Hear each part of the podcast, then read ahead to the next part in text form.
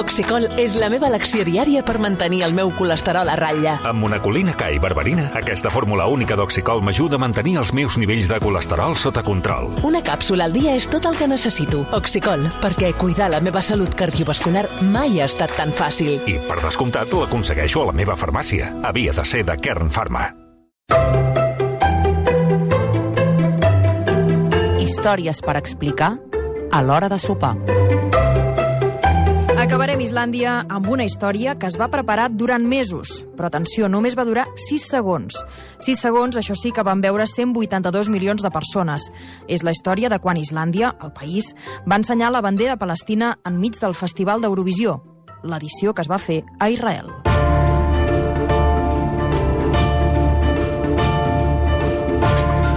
Any 2019, 18 de maig, Tel Aviv. Som a la 64a edició del Festival d'Eurovisió i per primera vegada en els últims 5 anys Islàndia ha arribat a la final del certamen. El grup Hattari, la cançó Hatrit Munsigra o el que és el mateix, l'odi prevaldrà.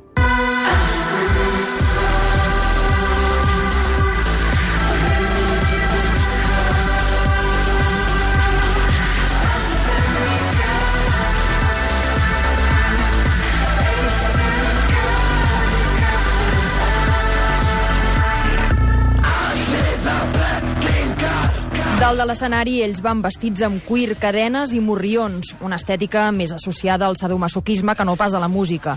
Sempre amb la mirada fixa a les càmeres i ni un sol somriure. El missatge de la cançó l'expliquen ells mateixos en un documental fabulós que s'acaba d'estrenar a Filmin. Well, our message, or we feel... El nostre missatge, o més ben dit la nostra performance, la nostra cançó, és una distopia i una reflexió sobre el poder i la impotència, l'esperança i la desesperació, i que si no ens unim per crear la pau, l'odi triomfarà. Fins aquí, tot en ordre, tot normal, però la presència de Hattari al Festival d'Eurovisió de fa dos anys ho és tot menys normal. Què hi fa un grup que es defineix anticapitalista a Eurovisió? Què hi fa un grup pro-Palestina al festival que justament es fa a Israel? A Islàndia s'arriben a recollir 30.000 signatures per fer boicot a Eurovisió. No volen que Hattari hi actui. 30.000 signatures a Islàndia és una barbaritat. És pràcticament el 10% de la població. Com si aquí se'n recollissin 750.000. El grup té molta pressió. Si hi van, saben que han de fer alguna cosa, algun gest. Però què? A Eurovisió es cura en salut i totes les actuacions s'emeten amb 15 segons de retard, per si algú se li acut canviar la lletra o fer alguna cosa no prevista en les desenes d'assajos previs que es fan. Al mínim canvi, la direcció del festival dona ordres perquè hi entri una gravació i els components de Hattari ho saben. Són realment molt joves, ronden els 25 anys i ja s'han posat en contra una part d'Islàndia i de Palestina que els reclamen boicot a Eurovisió i una gran part d'Israel que se'ls mira de reull, amb por pel que puguin arribar a fer o dir. Però ells no s'arronsen, com en aquesta roda de premsa, quan ja són a Tel Aviv, a punt per participar al festival. Nosaltres, evidentment, desitgem que s'acabi l'ocupació el més aviat possible i que torni la pau. Tenim esperança. Després d'aquestes paraules, els fan passar directament pel despatx del director d'Eurovisió. D'alguna manera els piquen el crostó i els recorden el que no deixa de ser una mentida. Es tracta, els diuen, d'un festival apolític. Els venen a dir no barregem la música amb la política, quan des de sempre els punts, els points que es donen a Eurovisió, tenen més a veure amb afiliacions entre uns països i uns altres que no pas amb el valor artístic dels seus representants.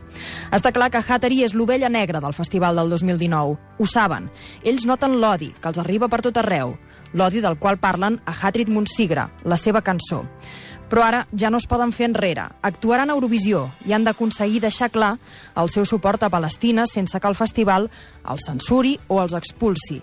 La idea arriba poques hores abans de la gran final. Decideixen que trauran banderes palestines en el moment de la votació popular. És el moment de conèixer els punts que el públic dona a cada país. Ja hauran actuat, per tant serà massa tard perquè els expulsin i les càmeres els enfocaran segur. Crec que això és la cosa més boja que farem mai. Hi haurà un abans i un després a partir d'aquest moment. S'amaguen les banderes sota els pantalons de cuir. Els colors de Palestina queden amagats, camuflats sota la seva indumentària, durant hores fins que arriba el moment. Continuem amb Islàndia. Islàndia. El públic us ha donat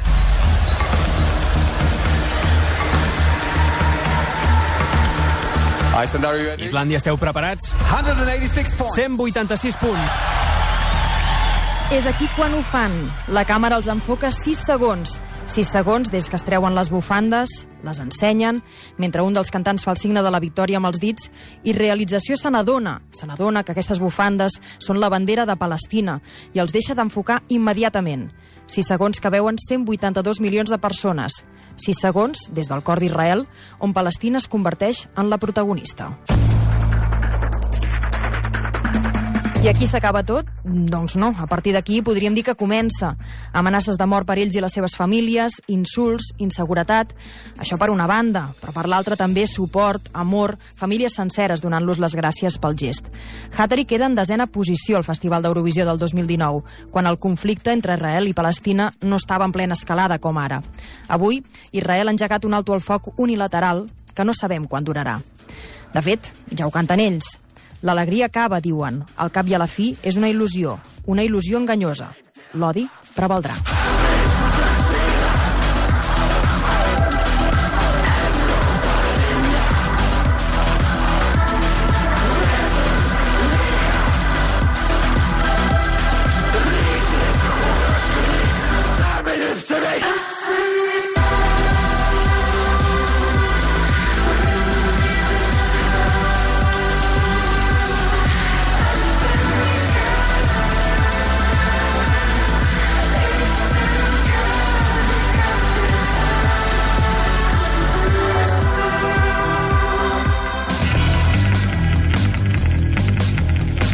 Si en voleu saber més, us recomano de veritat aquest documental, a Song Called Hate a Filmin, sobre com es van gestar aquests 6 segons amb les banderes de Palestina al Festival d'Eurovisió i com ho van viure els islandesos de Hatari.